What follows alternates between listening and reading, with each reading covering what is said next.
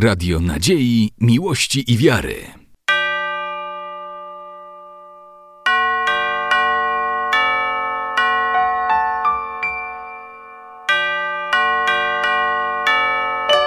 Radio Ortodoksja. Witam Was bardzo serdecznie w kolejnej naszej audycji dotyczącej kompozytorów i dyrygentów muzyki cerkiewnej. Rozpowszechnione na początku XVIII wieku na całym terytorium wschodniosłowiańskim tzw. Tak włoskie koncerty wielogłosowe z powodu braku niezbędnej zgodności tekstu liturgicznego z muzyką, a w szczególności ubóstwa koncepcji muzycznej, nie zyskiwały aprobaty władzy duchownej. 10 maja 1797 roku dekretem podpisanym przez cara Pawła I zostało zabronione wykonywanie koncertów, których warstwa muzyczno-melodyczna pochodziła często z własnej inwencji kompozytorskiej, zamiast śpiewów pryczastnych na świętej liturgii. Władze cerkwi rosyjskiej potwierdziły ten zakaz w roku 1816 i jeszcze raz w 1850 zobowiązując dyrygentów chórów do wykonywania podczas tzw. Tak zapryczastnych odpowiedniego wiersza komunijnego ewentualnie wykonywania psalmu, zamiast koncertów z dowolnie dobranym tekstem liturgicznym. Dlatego też należało, aby powstały nowe kierunki autorskie muzyki cerkiewnej. Jednym z takich przedstawicieli tego typu kierunku muzyki cerkiewnej był Dymit Bortniański, bohater naszej audycji, którego muzyka zaczyna uwalniać się spod tradycji muzycznej szkoły włoskiej, przejmując charakter bardziej narodowy. Dymit Bortniański urodził się w roku 1751 w Głuchowie na Ukrainie, znanym z ośrodka przygotowującego młode kadry śpiewacze do Narodowego Chóru w Sankt Petersburgu. Bortniański od najmłodszych lat wychowywał się w bliskim kontakcie z muzyką cerkiewną. Historia nie zachowała danych z jego życia tzw. Tak okresu przedpetersburskiego. Wiemy, że w wieku siedmiu lat jako wyróżniający się uczeń razem z kilkoma kolegami został oddelegowany do nadwornej kapeli śpiewaczy Petersburga gdzie zwrócił na siebie uwagę kapelmistrza, który mianował go solistą. Kapela w owym czasie przeżywała okres bujnego rozkwitu. Od tego momentu całe życie Bortnieńskiego było związane właśnie z tym chórem. W międzyczasie z Europy Zachodniej do Rosji na szeroką skalę zaczęli napływać przede wszystkim włoscy muzycy. Wśród nich pojawił się m.in. Baltasar Galuppi, który komponował opery i koncerty sakralne. Te ostatnie młody Bortniański uwielbiał szczególnie. Podobieństwo gustów artystycznych zbliżyło przyszłego kompozytora do mistrza, który udzielał mu nauki kompozycji. W owym czasie nadworna kapela śpiewaczy oprócz muzyki cerkiewnej wykonywała również przedstawienia operowe. Galuppi w 1768 roku opuścił Petersburg i gorąco namawiał carycę Katarzyny II, aby wyraziła zgodę na kontynuowanie przez Bornieńskiego studiów za granicą. Ale z niewiadomych przyczyn do wyjazdu kompozytora wtedy jeszcze nie doszło. W następnym roku Bortniański wyjechał do Włoch w celu uzupełnienia wykształcenia muzycznego. Rozpoczął się więc drugi, tzw. Tak włoski okres życia i wczesnej twórczości kompozytorskiej Bortnińskiego. Ten dziesięcioletni etap peregrynacji Bortnińskiego był bardzo ciekawy pod względem poznania głównych ośrodków życia muzycznego Włoch, takich jak Wenecja, Mediolan, Rzym, Florencja. Po ukończeniu nauki kompozycji u Galuppiego Bartniański próbował swoich sił na niwie kompozytorskiej. Przebywając w środowisku muzycznym południowo-zachodniej Europy, Bortniański zetknął się z nowymi prądami ówczesnej muzyki. Nieraz była to muzyka katolicka czy protestancka. Bortniański zaczął komponować coraz więcej i kiedy jego kompozycje zyskały rozgłos na zachodzie, dyrektor petersburskich teatrów Jan Elagin z polecenia cesarzowej Katarzyny II, która była dobrze poinformowana o sukcesach kompozytora za granicą, napisał do Bortniańskiego list, by ten możliwie jak najszybciej powrócił do kraju, aby objąć ważne stanowisko w środowisku muzycznym Petersburga. Pod koniec 1779 roku Bortniański wrócił do Petersburga i objął urząd kapelmistrza oraz nauczyciela śpiewu na dworze carewicza Pawła. W ten sposób rozpoczął się kolejny okres działalności twórczej kompozytora zwany okresem petersburskim. Po kilku latach zaczęły ukazywać się pierwsze jego koncerty i kompozycje. Były to kompozycje wielkopostne. Później wydawano kolejne cztery koncerty Bortnińskiego, dwa czterogłosowe i dwa ośmiogłosowe. Te dwa ośmiogłosowe były to koncerty na dwa chóry. Niezwykła płodność twórcza kompozytora przyniosła mu w oświeconych kręgach Petersburga sławę i uznanie. Bortniański wkrótce zostaje powołany na członka Akademii Nauki i Sztuk. Następnie obejmuje stanowisko dyrygenta chóru nadwornych śpiewaków, a w 1801 zostaje jej dyrektorem. Jako nowy dyrektor wszczął natychmiast staranie w kierunku zwolnienia śpiewaków kapeli z udziału w spektaklach operowych chcąc rozgraniczyć śpiew cerkiewny od śpiewu operowego. Wolna od udziału w występach operowych kapela została przez Bortnieńskiego znacznie powiększona. Warunki pracy poprawiły się, zwiększyły się zarobki śpiewaków. Polepszyła się także ich baza materialna. Oprócz wysiłku w kierunku podwyższenia poziomu artystycznego zespołu Bortniański położył ogromne zasługi również w celu uporządkowania śpiewu cerkiewnego. W tym czasie Oprócz wysiłków w kierunku podwyższenia poziomu artystycznego zespołu Bortniański położył również ogromne zasługi na polu uporządkowania śpiewu cerkiewnego. W owym czasie komponowanie muzyki cerkiewnej było bardzo modne. Sporo było kompozytorów z tzw. Tak Bożej Łaski, amatorów, którzy do muzyki cerkiewnej włączali melodie operowe. Ich kompozycje były jednak bardzo nieudolne. Ze zjawiskiem tym podjęto stanowczą walkę. To właśnie Bortniański przyczynił się, to właśnie Bortniański przyczynił się do wydania dekretu, który zabraniał śpiewania w cerkwi z nut niedrukowanych. Jego staraniem została też powołana komisja składająca się z doświadczonych nauczycieli i śpiewaków, zadaniem której było dopuszczenie do druku wybranych kompozycji tworzonych współcześnie. Podstawą twórczości Bortniańskiego stanowiła jednak czterogłosowa cerkiewna muzyka choralna. Jego dorobek kompozytorski jest bardzo obszerny. Zawiera około 120 utworów, z czego 35 kompozycji to zbiór koncertów duchownych przeznaczonych na chór czterogłosowy. Wiele z nich stanowią także kompozycje ściśle liturgiczne, spośród których wiele to aranżacje śpiewów bułgarskich, kijowskich, greckich, tzw. Tak śpiewów monodycznych czterogłosowych. W 1882 roku ukazał się pełny zbiór utworów Bornieńskiego w liczbie 118, zredagowany przez Piotra Czajkowskiego. Najbardziej reprezentatywną formą kompozycji Bornieńskiego są jego wspomniane koncerty duchowne przeznaczone na chór czterogłosowy. Są to obszerne kompozycje cykliczne, zwykle trzyczęściowe, z szybką częścią pierwszą i trzecią. Części szybkie operują pełnym zespołem choralnym, części wolne są zdominowane przez partie solowe. W niektórych koncertach Portniański stosuje polichuralność, czyli wielochórowość faktury, osiągając monumentalne efekty. Materiał słowny do koncertów stanowią w większości teksty psalmów, rzadziej stichiry lub inne teksty liturgiczne. Wartym byłoby wymienić tytuły niektórych jego czterogłosowych koncertów. Wospojcie Gospodzie pieśnowu, torżestwujcie dnieść, woskliknijcie Gospodzie wsia ziemla, sława wyszni Bogu, siej dzień, pojcie Bogu naszemu pojcie, otrygnu serce moje i wiele innych. Czterogłosowe koncerty Bortniańskiego można umownie podzielić na dwie grupy. Koncertów wczesnych, które wymieniliśmy, oraz koncertów późnych. Do tej grupy drugich należały m.in. Kol возлюбленное исцеление Twoje Господи, błago jest, Gospodź prosieszczenie moje, skaży mi Gospodzi, da woskreśniet Boh i wiele, wiele innych. Koncerty pierwszej grupy charakteryzują się przejrzystym hymnicznym charakterem. Słychać w nich często reminiscencje marsza, kantu, niekiedy także muzyki tanecznej. Składają się one przeważnie z trzech części szybkiej, wolnej i szybkiej. Jeden z koncertów z tej części tzw. Tak koncertów wczesnych to Przyjdziecie w swoim ludie.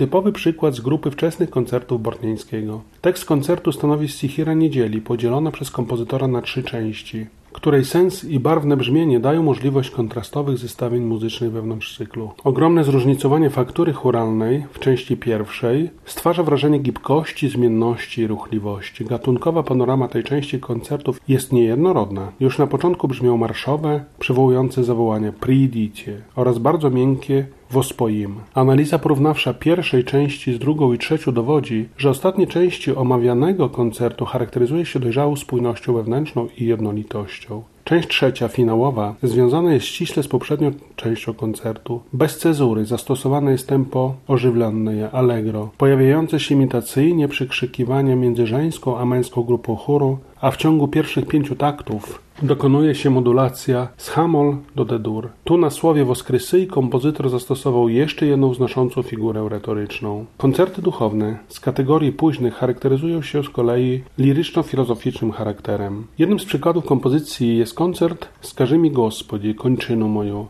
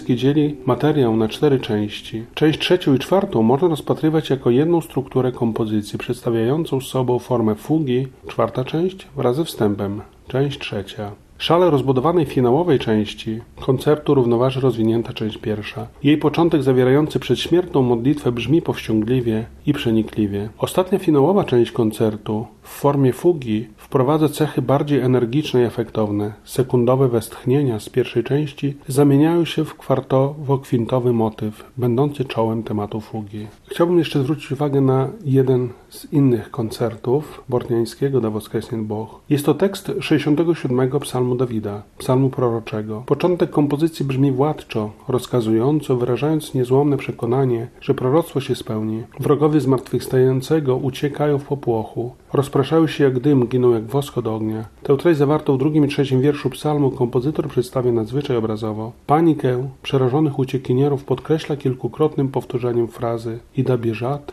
Ida bieżat, Ida bieżat. W dalszej części koncertu obraz ten ustępuje spokojnej, zarysowanej niskimi tonami melodii. Ciche i przejrzyste brzmienia ilustrują rozwiewający się dym. Część druga jest wolna, oparta na czwartym i piątym wierszu psalmu, a sprawiedliwi weselić i cieszyć się będą przed obliczem Bożym. Od strony literackiej część ta treściowo stanowi przeciwieństwo części poprzedniej. Muzyka jest tonacji durowej, Napisane jest tutaj w formie rozwijającego się pomiędzy grupami głosów, dialogu. Krótka trzecia część koncertu opiera się na wierszach 35 i 36 psalmu. Rozpoczyna się głośnym, majestatycznym wejściem chóru. Dadzicie sławu Bogu. W tym miejscu następuje też przejście z tonacji durowej do tonacji molowej i przygotowanie do imponująco podniosłej części Diwien Bóg wo świętych swoich Boch Izraile. W całości fuga wyróżnia się przejrzystością równowagi harmonicznej, współmiernością proporcji, miarową trzyczęściową strukturą. Ekspozycja, przeprowadzenie i repryza.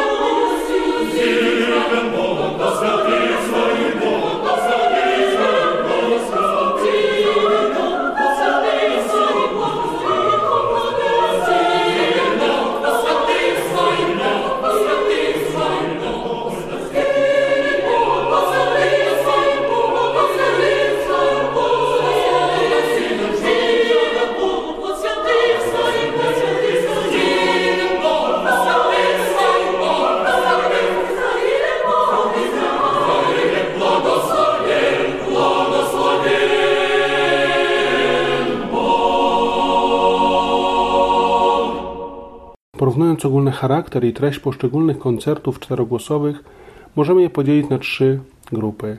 Koncerty o charakterze triumfalnym. Gospodzi siłою Twojeju, woskliknijcie Gospodziewi, sława Wyszni Bogu, siej dzień, przyjdziecie w swoim ludzie i wsi jazycy. Drugą grupę stanowią koncerty o charakterze lirycznym. Miłości Twoja Gospodzi, pojcie Bogu naszemu pojcie, Boże pieśnowo wospoju Ci, kol возлюбленna, blago jest, blażen mórz, Gospodzi, kto bitajet i inne im podobne. I ostatnia grupa to są tak zwane koncerty, które możemy określić jako koncerty tak zwane tragiczne. Zaliczamy do nich wszystkich molowe kompozycje oparte na tekstach psalmów pokutnych. Żywy w pomoszczy, wozwiedoch oczy mojej, nie umałczym, głasu moim, skaże mi Gospodzi i w skuju pryskorbna jest dusza moja. Twórczość Bortniańskiego, oprócz czterogłosowych, charakteryzowała się też koncertami ośmiogłosowymi, które były pisane na, na, dwa chóry mieszane. Mamy tu na myśli między innymi I spowiem się Ciebie Gospodzi, chwalicie otrocy Gospoda, przyjdziecie widzicie dziela Bożия, kto wzydzie na góru Gospodniu, niebieса powiadać sławę Bożiju, kto Bóg wieli, jako Bóg nasz i inne. Po napisaniu sporej liczby koncertów Bortniański zabrał się również do komponowania, jak to sam nazwał, pieśni chwalebnych. Początkowo była to muzyka do tekstu Ciebie Boga chwalim, na cztery i osiem głosów. Bardzo ważne miejsce w twórczości Bortniańskiego zajmuje jego harmonizacja starych melodii cerkiewnych, pneumatycznych, kijowskich i innych. Do najbardziej znanych i popularnych czterogłosowych kompozycji liturgicznych Bortniańskiego należą Angioł Opijasze, Diewa Dnieś, Nynie Siły Niebiesne, Czertoch Twoj, Pieśń Cherubinów, archangielski głaz, czy przyjdziecie ubłażym Józefa. Jako uczeń Włochów, Bortniański oczywiście nie mógł być całkowicie wolny od ich wpływów. Bortniański nie ograniczał się jednak wyłącznie do naśladowania swych nauczycieli, ale twórczo wykorzystywał zdobytą wiedzę muzyczną, wnosząc w ogólnonarodową i ogólnoświatową skarbnicę sztuki i nauki swój osobisty, niepowtarzalny wkład. Twórczość tego kompozytora można więc charakteryzować jako stopniowe, ale zdecydowane przezwyciężenie w cerkiewnym śpiewie wpływów włoskich przez stworzenie oryginalnej rosyjskiej sztuki śpiewu liturgicznego. Wspomniana już zbieżność stylistyczna i estetyczna spowodowała, że urzekająco piękne utwory Bortnińskiego, takie jak Jerzy Hierowimy czy Kolosławien, zyskały światową sławę i przedrukowywane były niezliczoną ilość razy i często z tłumaczeniem na obce języki. Kompozycje te możemy spotkać w śpiewnikach i repertuarach chórów całej Europy i Ameryki, obok m.in. dzieł Wolfganga Amadeusza Mozarta. Czterogłosowe koncerty Bortniańskiego zajmują ważne miejsce w repertuarze chórów i są wykonywane podczas pryczastna duchownych. Chóry cerkiewne przygotowują często te utwory także z zamiarem wykonywania ich poza cerkwią, przykład podczas festiwali. Oczywiście należy zwrócić uwagę baczną, aby wybierali to utwory koncertowe, które mają w swojej treści tematykę odpowiednią do roku liturgicznego. Kompozycje Bortnińskiego są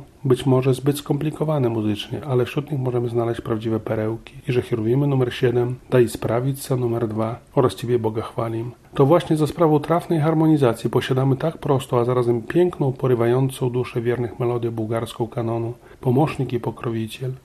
Nic nie można ująć też melodii hymnu Kolsławien, na wzór której wielu dyrygentów wykonuje również hymn Cherubinów. Dziękuję drodzy bracia i siostry, że byliście dzisiaj z nami i życzę Wam błogosławionego tygodnia.